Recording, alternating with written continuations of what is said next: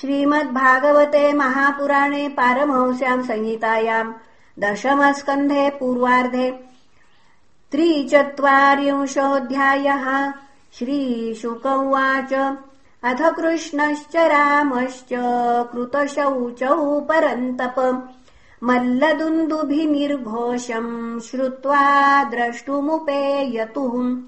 रङ्गद्वारम् समासाद्य तस्मिन्नागमवस्थितम् अपश्यत्कुवलया पीडम् कृष्णोऽम्बष्ठप्रचोदितम् बद्ध्वा परिकरम् शौरिः समुह्य कुटिलालकान् उवाच हस्तिपम् वाचा मेघनादगभीरया।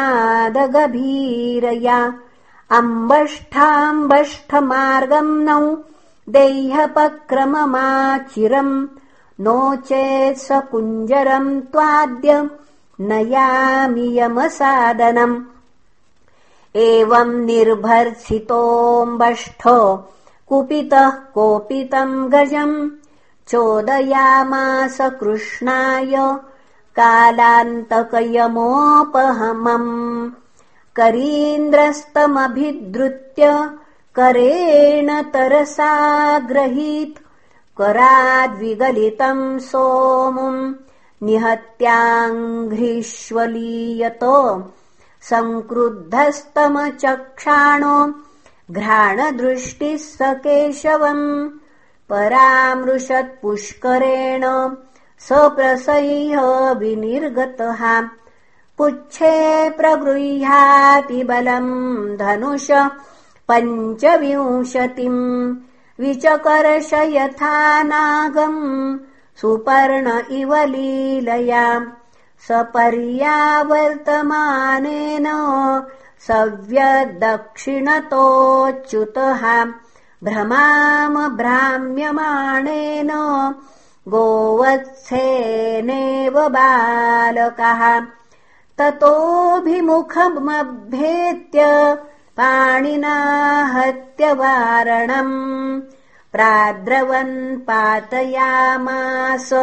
स्पृश्यमानः पदे पदे।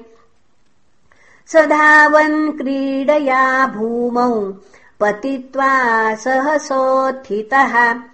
तम् मत्वा पतितम् क्रुद्धो दन्ताभ्याम् सोहनत्क्षितिम्। स्वविक्रमे प्रतिहते कुञ्जरेन्द्रोत्यमर्षितः चोद्यमानो महामात्रैः कृष्णमभ्यद्रवदृषा तमापतन्तमासाद्य भगवान् मधुसूदनः निगृह्य पाणिना हस्तम् पातयामास भूतले।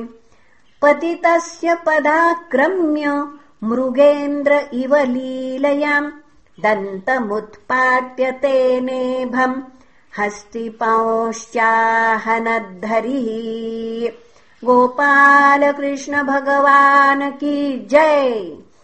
मृतकम् द्विपमुत्सृज्य दन्तपाणिः समाविशत् अंसन्यस्तद्विषाणो सृङ्द बिन्दुभिरङ्कितः विरूढस्वेदकणिकावदनाम्बुरुहो बभौ वृतौ गोपैः कतिपयैर्बलदेव जनार्दनौ रङ्गम् विविशतु राजन् गजदन्तवरायुधौ। मल्लानामशनिनृणाम् नरवर स्त्रीणाम् न स्मरो मूर्तिमान्। गोपानाम् स्वजनो सताम् क्षितिभुजाम् शास्ता स्वपित्रो शिशुः।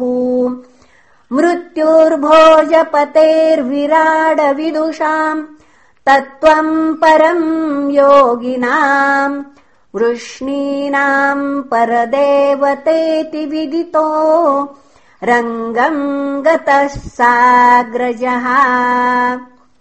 हतम् कुवलया पीडम् दृष्ट्वा तावपि दुर्जयौ कंसो मनस्यपि तदा भृशमुद्वीवीजे नृपम् तौ रेजतु रङ्गगतौ महाभुजौ विचित्रवेषाभरणस्रगम्बरौ। यथा नटावुत्तमशे वेषधारिणौ मनक्षिपन्तौ प्रभया निरीक्षताम् निरीक्षतावुत्तमपुरुषौ जना मञ्चस्थिता नागरराष्ट्रका नृप प्रहर्षवेगोत्कलिते क्षणाननाः पपूर्णतृप्ता नयनैस्तदाननम् पिबन्त इव चक्षुर्भ्याम् लिहन्त इव जिह्वया जिघ्रन्त इव नासाभ्याम् श्लिष्यन्त इव बाहुभिः। ऊचुः परस्परम् ते वै यथा दृष्टम् यथा श्रुतम् तद्रूपगुणमाधुर्य प्रागल्भ्यः स्मारिता इव। एतो भगवतः साक्षाद्धरेर्नारायणस्य हि। अवतीर्णौ विहांशेन वसुदेवस्य वेश्मनि एष वै किल देवक्याम् जातो नीतश्च गोकुलम्। कालमेतम् वसन् गूढो ववृधे नन्दवेश्मनि। पूतनानेव पुनः पूतनानेन नीतान्तम् चक्रवातश्च दानवः। अर्जुनौ गुह्यकः केशी धेनुकोऽन्ये च तद्विधाः। गावः सपाला एतेन दावाग्नेः परिमोचिताः। कालियोदमितः सर्प इन्द्रश्च विमदः कृतः। सप्ताहमेकहस्तेन धृतोद्रिप्रवरो मुना। वर्षवाता शनिभ्यश्च परित्रातम् च गोकुलम् गोप्योऽस्य नित्यमुदित हसित प्रेक्षणम् मुखम्।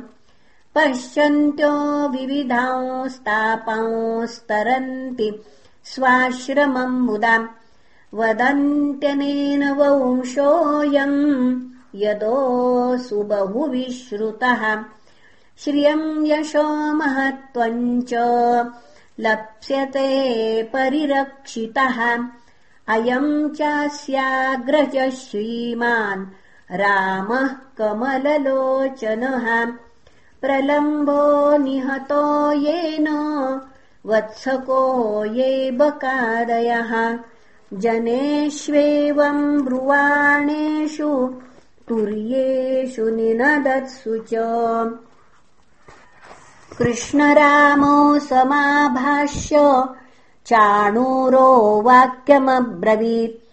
हे नन्दसूनो हे राम भवन्तौ वीरसम्मतौ नियुध्यकुशलौ श्रुत्वा राज्ञाहूतौ दिदृक्षुणा।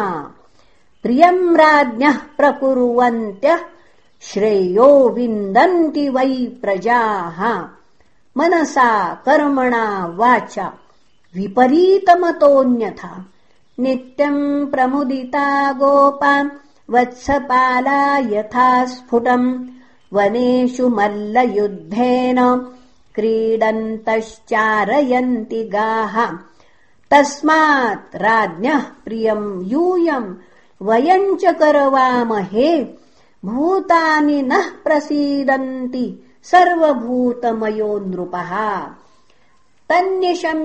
ब्रवीत् कृष्णो देशकालोचितम् वचः नियुद्धमात्मनोऽभीष्टम् मन्यमानोऽभिनन्द्य च प्रजाभोजपतेरस्य वयम् चापि वनेचराः करवाम प्रियम् नित्यम् तन्नः परमनुग्रहः बाला वयम् तुल्यबलैक्रीडिष्यामो यथोचितम् भवेन्नियुद्धम् मा धर्मो।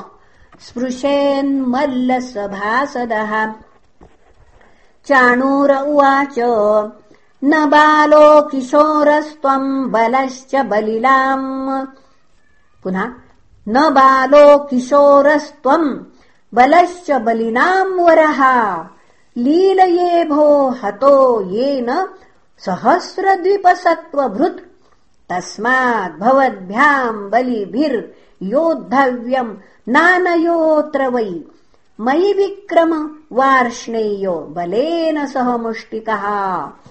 इति श्रीमद्भागवते महापुराणे पारमहंस्याम् संहितायाम् दशमस्कन्धे पूर्वार्धे कुवलया पीडवधो नाम त्रिचत्वारिंशोऽध्यायः श्रीकृष्णार्पणमस्तु।